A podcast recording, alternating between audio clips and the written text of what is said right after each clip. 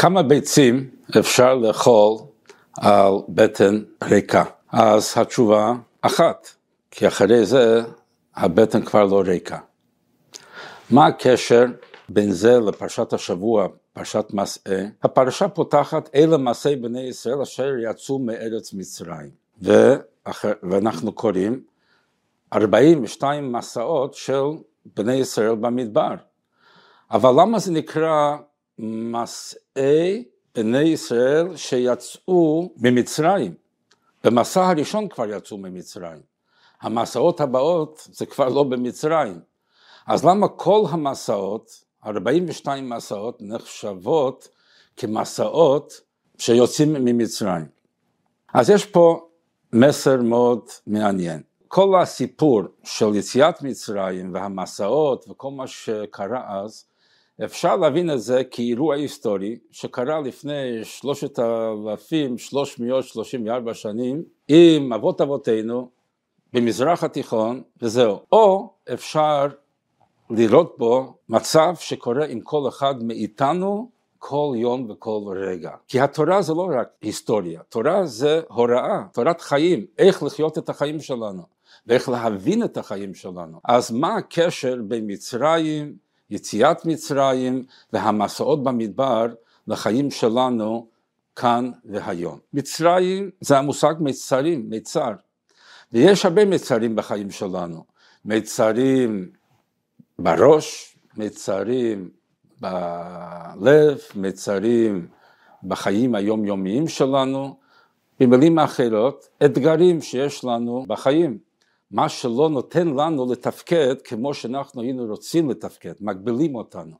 אז יציאת מצרים המובן פה זה לצאת מהמגבלות האלה שלא נותנים לנו לתפקד כמו שהיינו יכולים ורוצים לתפקד. אבל זה לא בינארי, זה לא או אתה במצרים או יצאת ממצרים.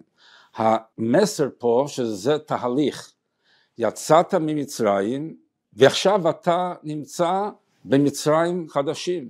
זאת אומרת, יצאת ממצרים ועכשיו אתה נמצא במצרים חדש. מה הפירוש? מה שלגבי אתמול היה נחשב כהישג, היום זה יום חדש ואתה צריך עכשיו להתעלות ולהשתחרר מהמצב החדש. מה שאתמול היה גג, היום זה רצפה. מה שאתמול היה מטרה, היום זה כבר מאחוריך וצריכים להסתכל הלאה ולנסוע הלאה. בגלל זה בעצם למה הפרשה נקראת מסעה ולא חניות? זאת אומרת, מסע זה ממקום למקום, חנייה זה איפה שאנחנו מגיעים. אם מישהו נוסע לחופש, מספר מה קרה על המטוס, או הוא מספר מה ראה ומה חווה בכל מקום, איפה שהוא היה. זאת אומרת, הפרשה הייתה צריכה להיקרא חניות, לא מסעה, אלא יש פה לקח, שהמטרה בחיים, המשימה בחיים, זה מסעה. תמיד לנסוע הלאה, תמיד לצמוח, תמיד אה, לא להסתפק עם ההישגים שלנו. הבעל שם טוב, מייסד תנועת החסידות, אומר בעצם שבחיים של כל אחד מאיתנו יש את ה-42 מסעות האלה. זאת אומרת, כל אחד מהמסעות שאנחנו קוראים עליהן בתורה, יש להם שם. נסעו ממצרים והגיעו לסוכות ונסעו מפה והגיעו לשם, אבל כל מקום יש לו שם, והשם מביע את התוכן של ההתקדמות הזאת. ובחיים של כל אחד יש את זה. ניקח רק את ההתחלה והסוף. ההתחלה זה הלידה, הלידה זה המסע הראשון. לפני שנולדנו היינו ברחם של האימא, הכל היה מסודר, הכל בסדר, לא, היה, לא היו לנו שום דאגות, והמסע הראשון, יציאת מצרים, זה הלידה. יצאנו ממצרים, עכשיו אנחנו עצמאים, עכשיו אנחנו צריכים לדאוג לחיים שלנו, כן? לפני זה לא היו שום דאגות, כמו כשהיינו במצרים, אז זכרנו את הדאגה, את הדאגה שאכלנו במצרים חינם, כן, מה טענו היהודים במדבר? היינו במצרים, הכל היה סבבה, לא היינו צריכים לא, אה, לדאוג לאוכל, נתנו לנו את הכל וזהו. עכשיו אנחנו משוחררים משיבוד מצרים, אבל עכשיו אנחנו אחראים על עצמנו. זה המסע הראשון. המסע האחרון זה כשהגענו על ירדן יריחו. זאת אומרת שהגענו יריחו, מה זה יריחו? זה מסמל את העברה לעולם הבא. כשאנחנו uh, כבר גומרים עם השליחות שלנו והמסע שלנו פה עלי אדמות ומגיעים לירדן יריחו, יריחו מלשון ריח, רוחניות, זאת אומרת עוברים לעולם רוחני וכבר מתפרדים מהגוף שלנו ואי אפשר לנו כבר לנסוע ולהתעלות ולתפקד פה עלי אדמות. לפעמים כשאנחנו נמצאים במצב מיוחד ואנחנו התרגלנו לזה ואנחנו רגועים, פתאום צריכים לזוז, אז זה יכול לגרום חרדה, אי נעימות, אבל אם מבינים שזה חלק מתהליך החיים, אז uh, מסתכלים על זה אחרת, רואים את זה כאפשרות, לא כתסכול.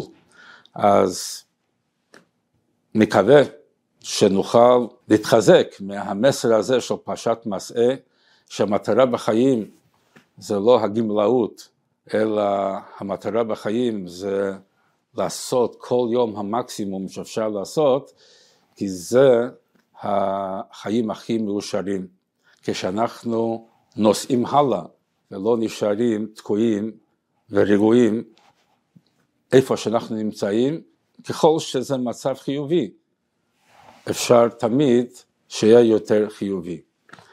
זה מה שרבי לימד אותנו בעצם. אה, כל פעם שרבי קיבל אה, דיווח על איזה פעולה או איזה פרויקט או מסיבה, אז הוא היה מביע אה, שביעת רצון, אבל ביחד עם זה תבע ממי ששלח את הדיווח שבשנה הבאה יהיה כפליים, שיהיה כפול. כי אם הצלחת להגיע עד המצב הזה היום, אז בשנה הבאה צריך להגיע ליותר. אפילו היה פעם מי שכתב לרבי שהיו לו הרבה חובות, אז הרבי בירך אותו שבשנה הבאה יהיה לו כפול חובות. למה? כי אם יש לו חובות, סימן שהוא עושה משהו. זה לא חובות אישיים, זה יהיה חובות של המוסד שלו. אז סימן שהוא עושה משהו, אז אם כך, בשנה הבאה שיהיה כפול. סימן שהוא יעשה כפליים. זה לא תשובה שהרבא נתן לכל אחד, לא כל אחד סובל לחץ כזה, כנראה שהרבא אמר את זה למי שהיה מתאים אתגר כזה, אבל המסר פה ברור.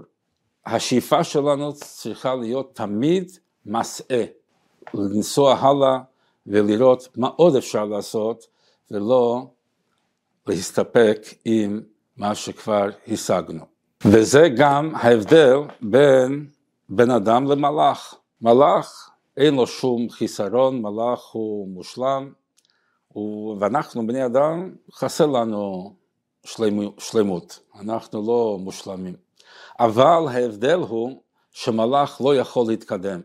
כמו שהקדוש ברוך הוא ברא את המלאך, ככה הוא נשאר בדרגה מאוד עליונה, אבל לא זז ממקומו. היתרון שיש בנו, בני אדם, אנחנו לא מושלמים, אבל יש בנו הכוח להתעלות ולשגשג ולהתמודד עם האתגרים, ועל ידי זה אפשר לנו לנסוע הלאה פרשת מסעה.